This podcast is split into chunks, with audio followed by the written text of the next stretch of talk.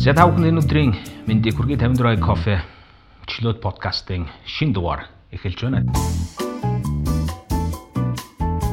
Тэгэхээр энэ удаагийн дугаарт судлаач Инктүр оролцож байна.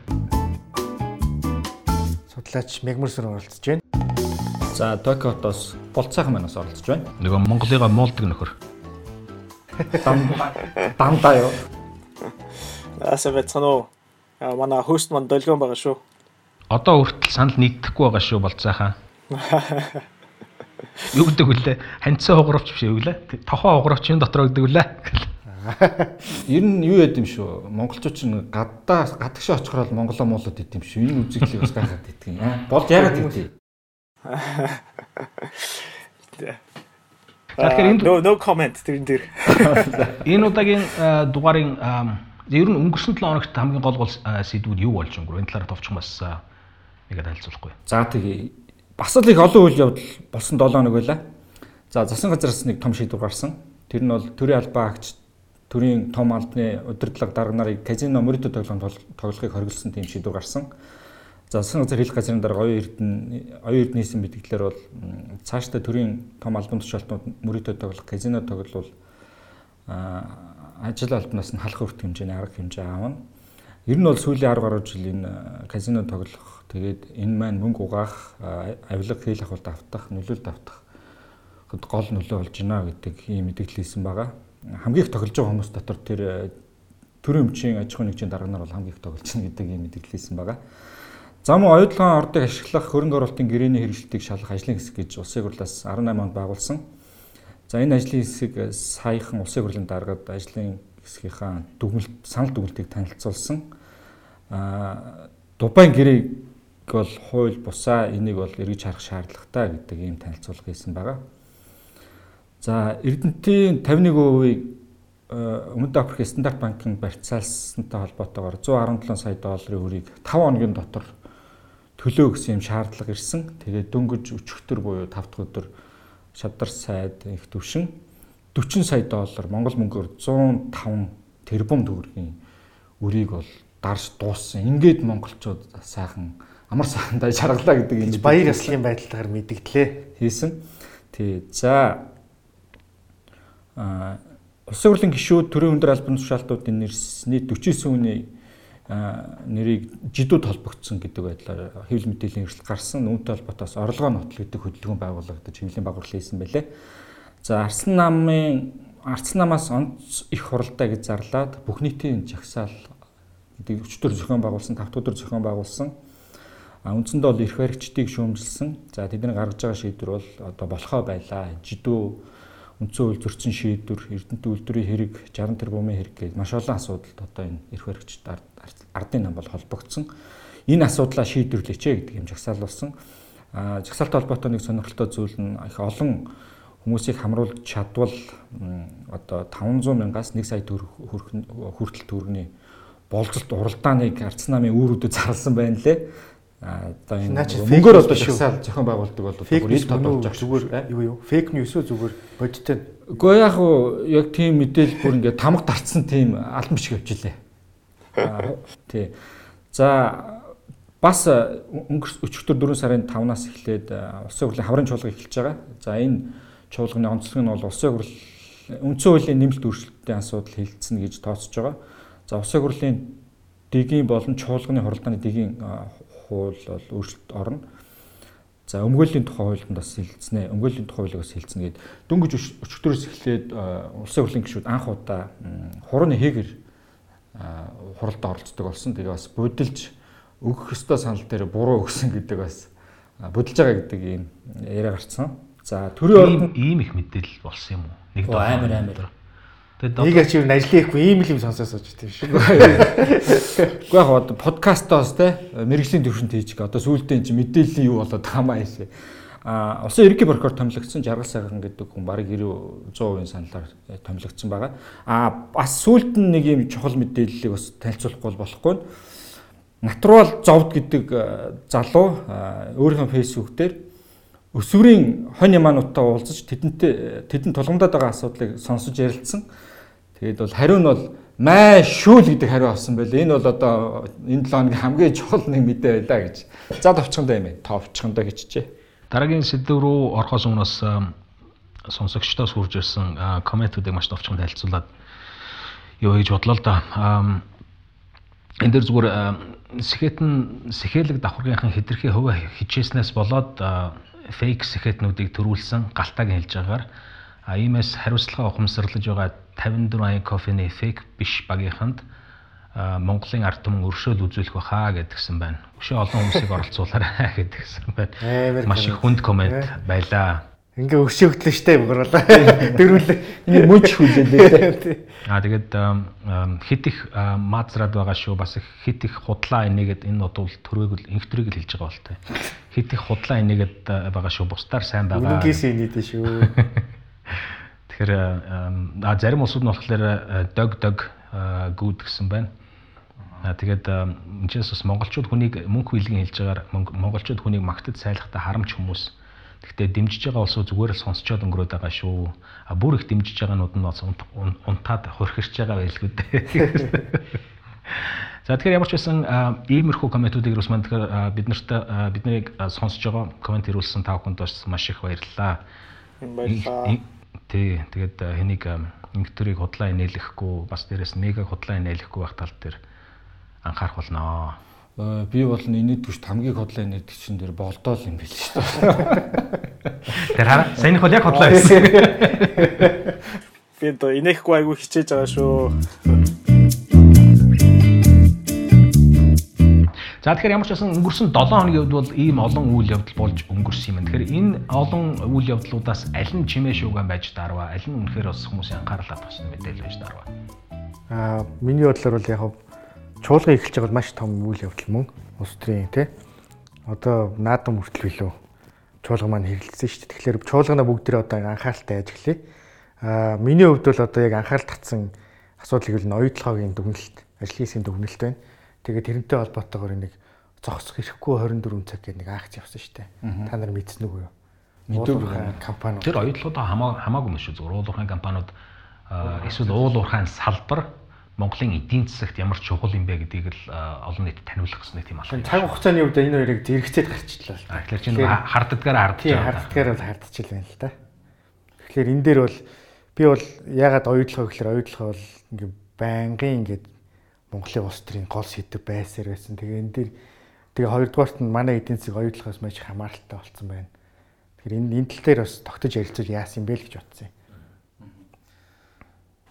Үүн дээр бас нэмээд миний ажигласан мэдээ бол Азийн хөгжлийн банкнаас Монголын эдийн засгийг 19-20 онд тогтвортой өснө гэсэн прогноз гаргасан байна лээ. Аа гэхдээ Монголын эдийн засагт нөлөөлж байгаа хамгийн том гурван эрсдлийг бол тодорхойлсон байна. Үүнд түүхийн эдийн үнийн хэлбэлзэл манай өмнөд хөршийн эдийн засгийн өсөлтийн удаашрж байгаа байдал. За дээрэс нь банкны салбарын одоо эрсдэл энэ гур бол Монголын эдийн засагт хамгийн том эрсдэл учруулж магадгүй гэж тодорхойлсон байна. Үүнээр бас энэ дотор улс төрийн докторгүй байдал гэж байхгүй байна. Яг үүн дээр улс төрийн улс төрийн эрсдэл гэх үү те political risk гэдэг ойлголт байдаг шүү дээ. Үүнийг бол дуртаагүй өнгөрсөн байна лээ. Тэгээ энийг бас бид хэд сонсогч нартай улс төрийн эрсдэл гэж юу байд юм бэ? а гэдэг энэ асуултаар асуудлаар бас жоохон ерөнхий ойлголт өгч болно л доо. Улс төр эрсдэл гэж юм байна л да. Ерөнхий ойлголт өгөөч нэг. Өргөн зургаар харж байгаа. Өргөн зургаар нэг хараа. Улс төрийн эрсдэл яг уу гэдэг нь одоо бизнес тэр тусмаа хувийн хвшилт те за тэгээд гадны хөрөнгө оруулалттай бизнест ч юм уу. Яваргаа нэгэн улс төрөөс улс төрийн үйл явдлаас шийдвэрээс эсвэл процессоос гарал бий болж магадгүй аюулыг л хэлж байгаа шүү дээ тийм тэр айгүй өргөө ойлголттой. Үүн дотор одоо юу гэдэг хамгийн экстримээр нь бодоод үзэх юм бол одоо иргэний дан нийгэм улс төрийн докторгүй байдал алдагддаг ч юм уу өмнөөс аман болох те энэ мэднэ гих мэтлэн одоо юм экстрим үйл явдлууд яаж бизнест сөрөг үр дагавар авчиж болох вэ гэдгийг нэг нэг хэлээд байгаа. А энэ бас азар манай улсад айгүй баг эрсдэлтэй энэ энэ төрлийн улс төрийн эрсдэл бол а нөгөө талаараа болохоор зүгээр л одоо эдийн засагт нөлөө сөрөг нөлөө үзүүлж магадгүй улс төрийн шийдвэр гарах засгийн газрын бодлого хэрэгжих юм уу энэ зүйлсийг одоо улс төрийн эрсдэл гэж үздэг шүү дээ тийм.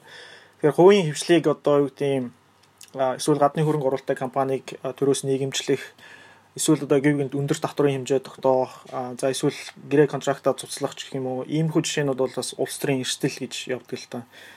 Тэгэхээр өндөр хөгжилтэй миний бодлоор төрийн бодлогын тогтвортой ингээ баруун зүгүнгүү савлаад байдаггүй юм улсуудтай харьцуулахад бол манад энэ эрсдэл маань жоохон хамаагүй их байдаг юм шиг ажиглагддаг.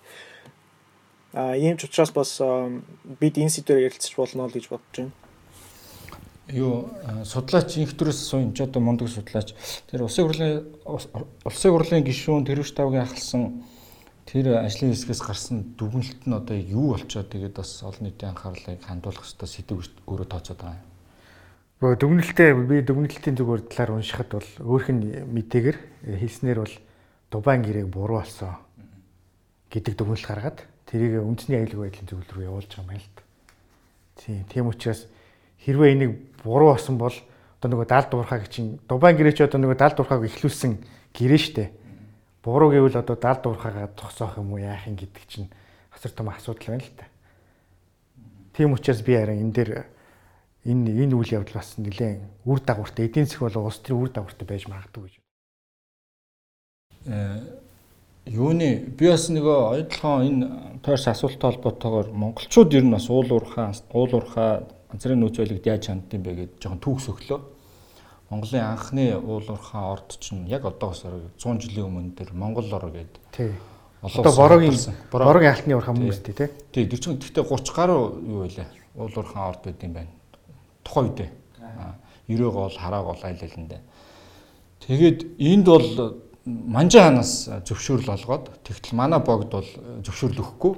Нилээн хугацааны хилцэл хийгээд тэгээ бараг хүчээр шийдсэн гэдэг юм байна. Аа нийтдээ 20 гаруй жилийн хугацаанд Монгол улс энэ уул уурхай орны 20%-ийн ашгийг хүртэнэ гэж гэрээ байгуулад аа тухайн ханшаар бол 600 сая Мексик долларын долларыг төр авсан гэдэг. Яга Мексик доллар тухайн үед э, Монголын нэг юу өөрийн олон улсын юуг нь Мексик доллараар Мексик доллараар хэмждэг. Мексик доллар алтан юутай баталгаатай байсан юм шиг байлаа тий. Миний ойлгосноор. Тэгээд э, энэ бас Монгол ор Монгол ор гэдэг энэ компанид бол бас тухайн монголчууд их дургу ялангуяа богдтаант Монгол улсын үед бол энийг зогсоох ёстой гэдэг ийм шийдвэрийг тухайн ирэх хэрэгт бол байнга хэлдэг байсан байна. За 1990 онд Монголын арцсан холбоо анх дугаар их хурал дээр их аягүй сонин тийм мэдээлэл хийж исэн бэлээ. Тэр нь болохоор Монгол орны үд байдлыг тунан дээрэмдэх бодлого, үйл ажиллагаа талсан зогсоох, уурхаануудыг хаах, газрын баялагийг ашиглах асуудлыг нийт ард түмнэр хилцүү шийддэг тийм журам тогтоохоо. Тэгэхээр ер нь бол монголчуудын бүхэлдээ одоос уул уурхаагаас нэлээд хамааралтай ирнэ. Уул уурхаа ордуудыг зогсоох, тэгээ болиулах, хөөж гарах, хөрөнгө оруулалт, хөрөнгө оруулагчдыг хөөж гарах гэдэг энэ бараг тийм цуснд нь байдаг зүйл юм болол гэж хараад байгаа шүү дээ. Аа сайхан уламжлал. Тий, яг тэр дагуу одоос нь тэгэл оюутлогоо ордтойгоо тэмцээл тий. Тэгээд эдэмшиг шүү дээ. Ер нь тэгээд байгалийн баялаг ихтэй орнуудад их ажиглагддаг юм биш үү? Ганцхан Монгол биш. Энийг нөгөө нэг байгалийн баялагын үзэрхэг үзэлч гэлөө resource nationalism гэдэг нэг бичээд байдаг даа хүмүүс гадны судлаачид. Тэгээд уул нь нөгөө байгалийн баялагын салбар чинь одоо улс төрийн аюу өндөр эрсдэлтэй гэж үздэг юм шүү. Угаасаа нэг уурхаач юм уу одоо газрын тосны refinery гэж наваад нүүчж болтоггүй. Нэгэн төрөнгө оруулалт хийж гисэн юм бол тэгэл тэнтэй уяастай байж идэг. болохоор нөгөө талаас хөрөнгө оруулалтын одоо анхны зардал гэж ярьдаг шүү дээ. Initial startup cost гэдэг яриад тэр маань харьцангуй өндөр. Тэгээд буцаад нөгөө төсөл маань хэрэгжээд өгөөжөө өгтлөө маш урт хугацаа өнгөрдөг. шаардагддаг. Тийм ч болохоор одоо улс төрийн доктортой байдал бол уул уурхай газрын тус ч гэдэг юм. Энэ байгалийн баялагын салбарт маш чухал гэж л үзээд байх шиг байна. Гэтэл нөгөө ихэвчлэн нөгөө хөгжиж буй Монгол шиг орнуудад одоо Латин Америкт Боливд байна, Венесуэлд байна. Энэ байгалийн баялаг бол арт түмний мэдлэл байх ёстой гэдэг үзэл бол айгүй их одоо юу гэдэг илбэг шүү дээ, тий. Тэгээ үүн дээр нь улс төрчид ажилдаг ийм ийм ч учраас одоо улс төрийн эрсдэл бол байгалийн баялагын салбарт айгүй их байдаг юм шиг байна. Миний ажиллаж байгаа. ойлгоход ихтэй тийм хэцүү зүйл бол биш шүү дээ. За одоо түрүүн улс төрийн эрсдэл гэж ярьлаа, улс төрийн тогтвортой байдал гэж ярьлаа. Тэр нь юу гэж юм гэхээр за өнөөдөр ямар ч бизнес бол за зарлага орлогын зөрүүн дээр л явж байгаа. Аль болохоор зардал багтаагаар, орлого ихтэйгээр үйл ажиллагаа явуулаад татвар их төлөөд олон ажлын байр бий болгоод хувьцаа эзэмшигтэй ашигтай ажиллана гэж. Яг энэ зарчмыг чинь Монголд тэр болгон мөрдөж чадахгүй байгаа учраас бүх юм Монголд гаж яваад байгаа байхгүй? За улс төрийн эрсдэл гэж яриад байна. Өнөөдөр хийсэн зүйл, өнөөдөр хилцэл хийсэн, тохирсон зүйл маань маргааш өөрчлөгдөд байх юм бол энэ яг үхлээр зардлын төсвөө яваад байгаа шүү дээ. Аа тэгээ үргэлж жилээс жилд ийм яваад байхлаар үргэлж зардал нь өсөд орлогын багаад байна гэсэн үг. Тэгэхээр ийм газар хөрөнгө оруулалт яаж орж ирэх юм бэ? Хөрөнгө оруулалт гэхэлэр чи ерөөс хоёрхан зүйл байгаа байхгүй нэг нь юу гэхээр бид нар гадагшаага гарч одоо хүүтэй зээл усгаж болно. Тэгээ тэрийг авчир дотоодынхоо аж үйлдвэрлэлийг өсгөж болно хөгжүүлж болно. А эсвэл манай Монгол улс ийм сайхан мундаг газар шүү. Та бүхэн мөнгөө бариад хүрээд ирээ. Мөнгийг барьж авчираад үржүүлээд дахин үржүүлээд тэрэн дараа бүр их үржүүлээд ингээ гарч болно гэдэг ийм л хоёр арга зам дэлхийд дахинд байгаа. Өөрийг одоохондоо бодож дийлээгүй. А тэгэнгүүт өөрснөө ихтгэл олон улсад хүлээж чадахгүй болохоор хөрөнгө босгож чадахгүй.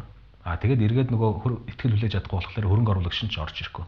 Тэгээ ийм учраас нөгөө хөрөнгө оруулагч гадны хөрөнгө оруулагч гэж ярихлаараа хүмүүс заавалчгүй тэд нартай тэд наргүй болно штэ гэж яриад байдаг утга учир нь бас дутуул байгаа юм л да.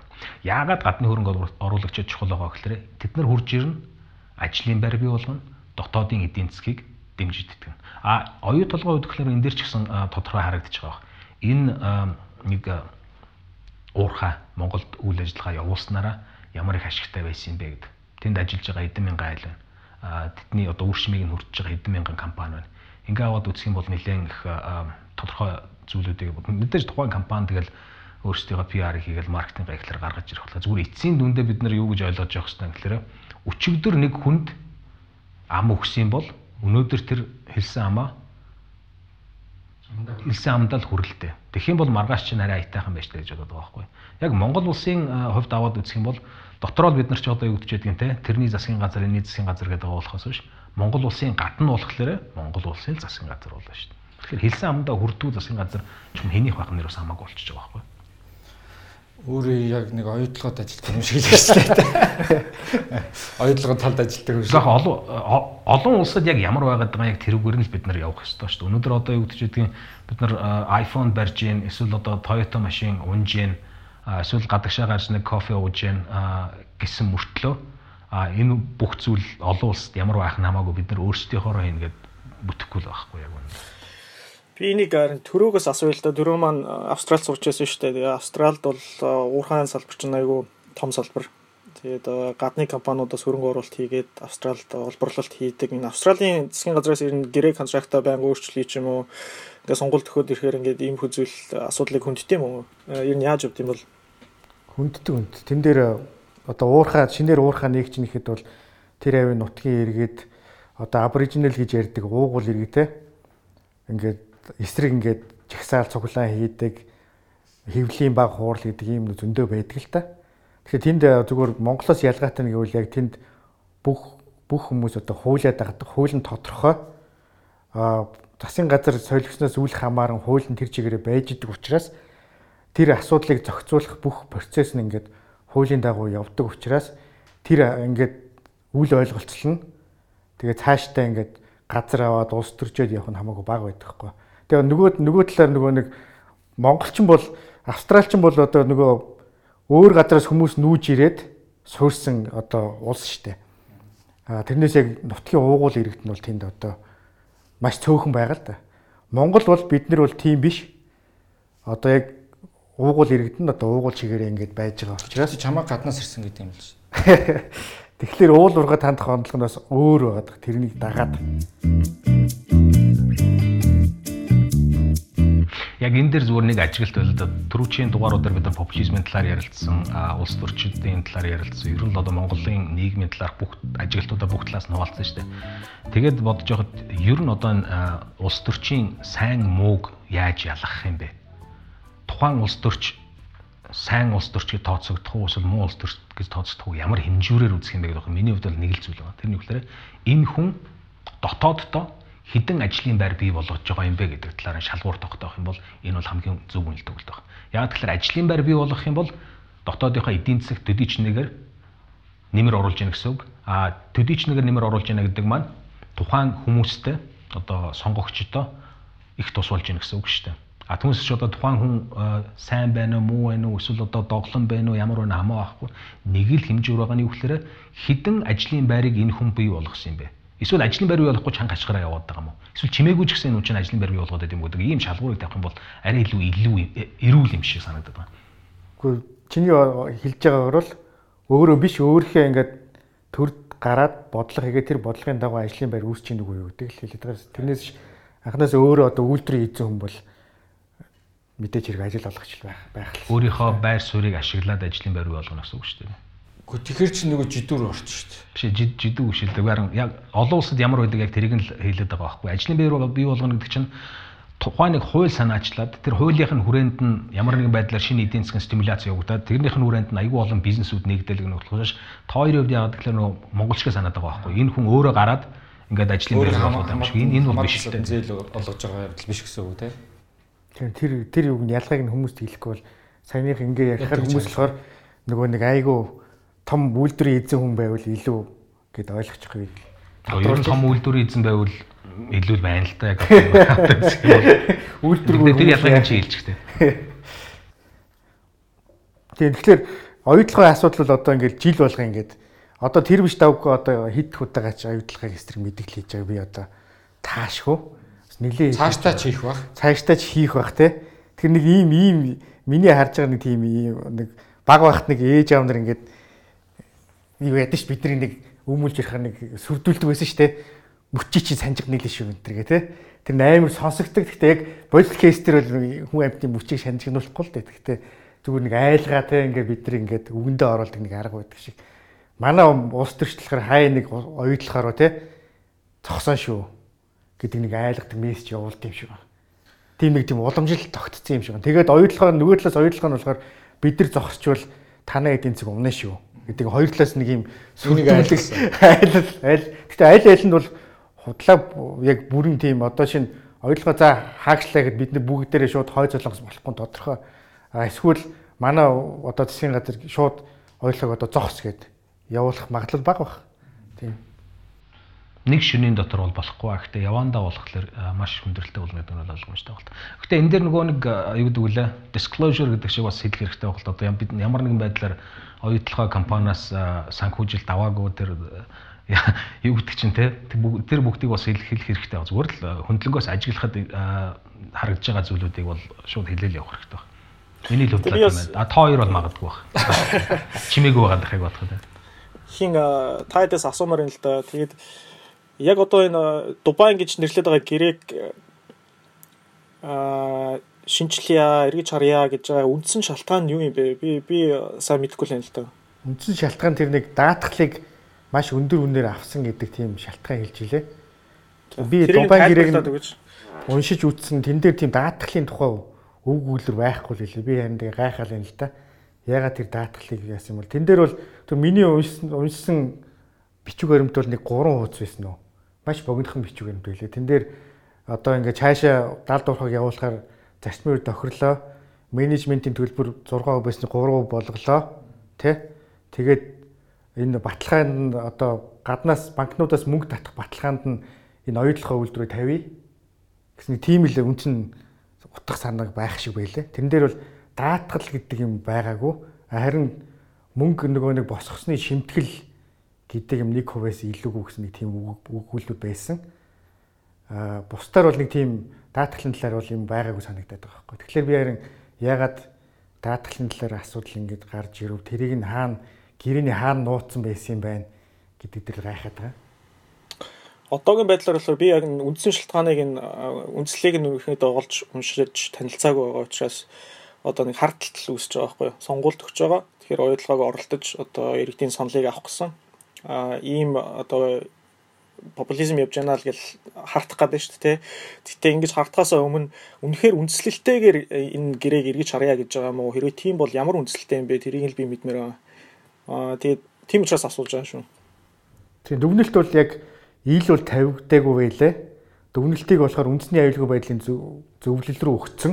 Улсын хурлын дараа танилцуулсан. Тэндээс э, тэндээс үзээд тэгээд нэг тийм чиглэл өгөх юм уу, бичиг баримт гарах юм уу, үнэлэлт өгөх юм уу, тийм болох юм шиг байлээ. Яагаад үндэсний аюулгүй байдал энэ зөвлөл рүү өгсөн бол энийг тэрийг бол би сайн мэдэхгүй. Яагаад тэгэж өгснийг бол мэдэхгүй. Ямар ч өмнө нь бол нэг зөвлөмж гаргахаа заавал улсын хурлаар хилцдэг байсан шүү дээ. Тэ? Энэ дээр яг зүгээр нэг ажиглалтай байгаа юм. Тэрний үгээр за ямар ч байж байж болно. Тэр даатгалын асуудал юм уу эсвэл одоо мөнгөний зуучлалын асуудал юм уу эсвэл зүгээр л нэр нь таалагдав таалагдаагүйгээсээ болоо ч юм уу Дубан гэрэн гэсэн тэгсэн гээд янз бүрийн хардтал байж болно. Хардтал байхгүй ч байсан байж болно. А ихтэй ямар ч байснаас үл шалтгаалаад энэ нэг асуудлуудаа бүгдийг нээлттэй хийчих хэрэгтэй байхгүй. Одоо парламентын сонсгол ч юм уу игээд иргэдтэй бүх мэдээллийг нь нээлттэй ил тод болгоод аа тэгээд дараа нь шийдвэр гарах эсвэл өөрсдийнхөө үзэл бодлыг илэрхийлэх эрхийг нь иргэдэд өгөх ёстой байхгүй. А тэгэхгүй болохоор одоо зүгээр явагдаад байгаа юм нь юу гэхээр таалагдахгүй байна. Муухай юм болсон бол муухай юм болсон юм бол юунаас болоод муухай юм болсон юм. Нэг тал нь болохоор муухай юм ишлэг нөгөө тал нь та нар ойлгохгүй наа чинь 20 мянган ус гэдэг ийм хоёр шал тэнэг аргумент хоёрлол яваад байгаа байхгүй юу. Тэг чи хоёулаа буруу шүү дээ. Ингээд хэрвээ ойлгохгүй бол ойлгуулах гэж хичээх хэрэгтэй тийм үстэй. Хэрвээ энэ одоо энд оюутлогын операшнтай холбоотой янз бүр хүмүүст олон нийт ойлгомжгүй юмнууд байвал тэрийг тайлбарлаж өгөх хэрэгтэй, ойлгуулах хэрэгтэй. А нөгөө талаас ч гэсэн тий хэрвээ энэ буруу гэж байгаа бол тэрийг үндэслэлээ ингээд олон нийт дил сайхан тавиад яг энэ эннийх нэг энэ нь над таалагдахгүй байна гэдэг л ярих хэрэгтэй. Тэрнээс нэг ерөнхий юм яриа тий оюутлага муухай. Оюутлага тонж гин, шулж гин гэдэг тийм ярьж байгаа бол энэ бол одоо жинхэнэ нөгөө популизм гэдэг л болох байна. Тэгээ бас дашрамд нэг юм хэлэхэд за ах оюутлогыг ярьж болно болно. Гэхдээ ярьж байгаа хүмүүс нь бас давхар нөгөө утааныхаа асуудлыг яриарай. Сургууль цэцэрлэгийн хүрэлцээнийхээ асуудлыг яриарай. Эмнэлгийн чанарын асуудлаа яриарай. Ингэж л хүсэл тавих хэрэгтэй л да. Яг тэгэхээр үнэхээр Монгол болч бүтэхгүй байгаад байгаа юм оюутлогоо урах хэлж яаг бол бас үгүй л дээ. Үнэхээр за яг тэд нар тийм 100% төгс төгөлдөр мундаг биш байж болно. Алдаа оноотой зүйл байгаа байх А гэхдээ тэрнээс илүүтэйгээр өндөр монголчуудын эрх ашиг хөндөд байгаа юм их байгаа шүү. Шударга ёсноос илүүтэйгээр монголчууд эрх ашиг хөндөж байгаа зүйл байгаа шүү гэдгийг ядаж энэ асуудлыг яриад байгаа ус гişүүд нь бас ойлгох байлгүй дээ мэдгүй. Тийм миний хувьд зүгээр нэг сони юм санагдаад байгаа нь энэ хоёрдлогож 34% нь одоо Монголын засгийн газар бидний өмч штэ. Тэгэхээр энэ хоёрдлогоо ингээд operation operation ингээд зогсоогоод алдагдал гарах юм бол бас бид нар алдагдалд орж байгаа хэрэг. Одоо ямар нэгэн байдлаар бид нар хоёрдлогоо ингээд юу ингээд саад учруулаад тэгэл алдагдал учраад байвал нэг төгрөгийн алдагдал дотор 34 одоо мөнгө нь бид нар өөрсдөө кармасаа гаргана гэсэн үг байхгүй. Ямар амар нарийн ярьж байна. 34 гэдэг тог хаанаас олсон юм? 34 бид тэр гэрээнээс уншсан. Цаанаас тэрвэж тавхгатаа би уцаар ярьж асуусан юм аа. Бас дээрээс нь давхар мөнгө авсан байж магадгүй юм шиг. 34 гэдэг айгүй мэдээлэлтэй ярьж штэ. Тэгэхээр тэрийг нэг одоо нэг бид нар яг 90-ийн 100% ингээл охирох гол ингээл оролдоол тий Тэгээ бид нар огт хохирохгүй ингээд 90-ийн бууж ихлээр бид нар хохирохгүй юм шиг ингээд нэг юм хоёр талд гарчаад ингээд байлдаад байгаа юм шиг яг үндэ бол нэг л компани нэг нь 66%-тай нэг нь 34%-тай тэнд алдагл хүлээвэл 34% нь бид нар хүлээн 66% алдагл нь тэд нар хүлээн шүү дээ. Яг бид нар ч нөгөө юмны гол мэдээлэл гэдэг шиг хэрэг дээр эн чинь яг бид нар л орж ирж байгаа мөнгө урсгалыг хязгаарлана гэдэг бол бас тэгж амархан тоглоод идэг сэдв биш байх. Чухал сэдв мөн нэг. Хоёрд нь бас нэг том уулуурхаа ордтой холбоотой нэг асуудал нь одоо юу хуу хүмүүсийн авсан зээлээс болоод Монголын засгийн газар ялангуяа Монголын ард түмэн 40 сая долларын тий төлцсөн гэдэг бол бас нэлээд анхаарал татсан сэдв, татах сэдв л гэж бас харж байна л да. Аа яг болж бүтэхгүй юмнууд ч байна, болж байгаа юм ч байна. Одоо чинь би бол энэ казино төрийн албан агчдыг төрийн том албан тушаалтнуудыг казино тоглолтыг хязгаарлах саналыг бол аягүй дэмжиж байгаа. Тэр шийдвэрийг тухайлбал нэг ийм статистик байна. Гэхдээ яг бодиттой хэсгийг сайн мэдэхгүй байна. Монгол улсаас Солонгос улсад ажиллаж байгаа ажилтны Монгол руу оруулж байгаа мөнгө шүү дээ. Тэрнээс илүү Солонгост очиж тоглож байгаа казино тоглож байгаа монголчуудын дээр нөгөө аялал жуулчлал ба эрүүл мэндийн салбар те зарцуулж байгаа мөнгөнд үн хамаагүй их байдаг гэдэг Тэгээ энэ мөнгө урсгалыг бас тэр бодиттой дата нөлөөл нөлөөлнө л гэж бодож байгаа шүү дээ. Бодиттой тоо юм уу? Бодиттой биш. Тий чин тухайн казинод хитийг гаргаад байгаа нь тоол гарах. Харин тийм. Тэгэхээр чин ерөнхийдөө бол яг юу байж болно шийдвэр үзэх бол яаж хянах уу гэдэг би гайхаад байгаа байхгүй. Казино болгоо одоо Монголын одоо тэр тэр яамны тэр мэрэгчлээ орж ирээд тоглож ийн гэдэг мэдээллийг Монголын сэргэлээр явуулах юм уу? яах юм? Тэр бол ерөөсөө энийг бол би зүгээр шийдвэр зүг байж болно хяналтын хувьд бол Яаж хийх л ерөөсөө орохгүй. Тэрнээс одоо хинд яаж таних Лас Вегасын казинод Монголын нэг агентлагийн дид дарга явж байгааг тэр Лас Вегасын казино мэдэж явуулах юм уу? Мэдг. Буцаад саяны оюутлогоо сэдв дээр э, одоо юу гэдэг нэмж нэг хэлэх э, санал байна л да. Бодол байна. Тэр нь юу гэхээр засгийн газраас одоо хэрэгжүүлэх гээд явж байгаа хамгийн том хөтөлбөр бол 5 толгой дээр IPO э, зарлах гад. Тэгээ энийг хөөцөлтөд яваад байгаа шүү дээ. Тэгээд IPO зарлаж явах үедээ уу зарлахаас өмнө одоо оюутлоготой маргаан үсгээд тэгээд гүний уурхай үйл ажиллагаанд зогсоод буцаад 2013 оны байдал шиг болчвол гадны хөрөнгө оруулагч нарт олон улсын хөрөнгө оруулагч нарт ямар мессеж өгөх вэ гэдэг бас манай улс төрчид маань бас бодосоо доо гэж л би бодож байна. Бодохгүй. Бодохгүй гэдгийг чинь би бодож байна. Хоёр хоёр юм конфликтийн мессеж очиж шүү дээ. Тэгээ гадны хөрөнгө оруулагч нар бол Монголын улс төрийг сайн мэдэхгүй, яг дотооддоо юу болоод байгааг сайн ойлгохгүй, гаднаас нь хараад аа Монголын засгийн газар байнга л ингэж яах юм да гэрээ хичээл тэрийг нэг сонгуульд хөндрөхөөр зогсоо солио өөрчлөе гэдэг байна. Ерөөсөө итгэж болмооргүй юм байна л гэсэн тийм мессеж очих болов гэж би айж байна. Гэхдээ яг бас нөгөө талаараа энэ бол бас дархлаажуулалт, вакцин жуулалт болж магадгүй л монголчууд угаасаа л дандаа л ингэж хийдэг те. Угаасаа зан юм да гэд ингээд бас тал талдаа зангаа мэдээд авчлаас цаашаа бизнес явуулахад бас ойлгомжтой болоод гэж бодод. Одоо сайнаар одоо Тийм, сайнаар бодоход. Тийм сайнаар бодоход тэгж л итгэх юм да. Найдах юм да гэж. За тэгвэл эх 7 хоногийн хувьд ямар асуудлууд, ямар мэдээ илүү их анхаарал татах бол одоо энэ 7 хоногт явсан мэдээллийн үргэлжлэнэ гэж байх уу жишээлбэл. За юуны хууль сахиулах байгууллагатай холбоотой, шүүхтэй холбоотой томилгоонууд бас дахиад үргэлжлэх бах. Эхний томилтоо томилгоо энэ 7 хоног шийдэгдлээ. Одоо тэгээд авилгалтай тэмцэх газар дээд шүүхийн томилгоонууд тодорхой болно гэж бодож байна.